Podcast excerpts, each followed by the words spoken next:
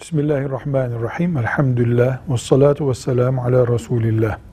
Hangi hayvan kurban olamaz diye sorduğumuzun temel cevabı şudur.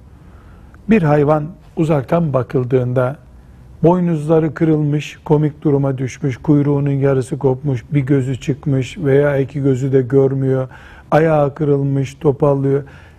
Bir köylünün, bir rençberin, hayvan besleyen birisinin arızalı dediği bir hayvandan kurban olmaz. Mesela inek memeleri körelmiş, memelerin ucu kopmuş. Bunlar ilke olarak arızalı deyip kasabın nezdinde veya besicinin gözünde fiyatını düşürecek neden varsa o hayvandan kurban olmaz. Elbette yaşı doldurulmamış bir hayvan zaten kurban olmaz. Ayrı bir mesele. Velhamdülillahi Rabbil Alemin.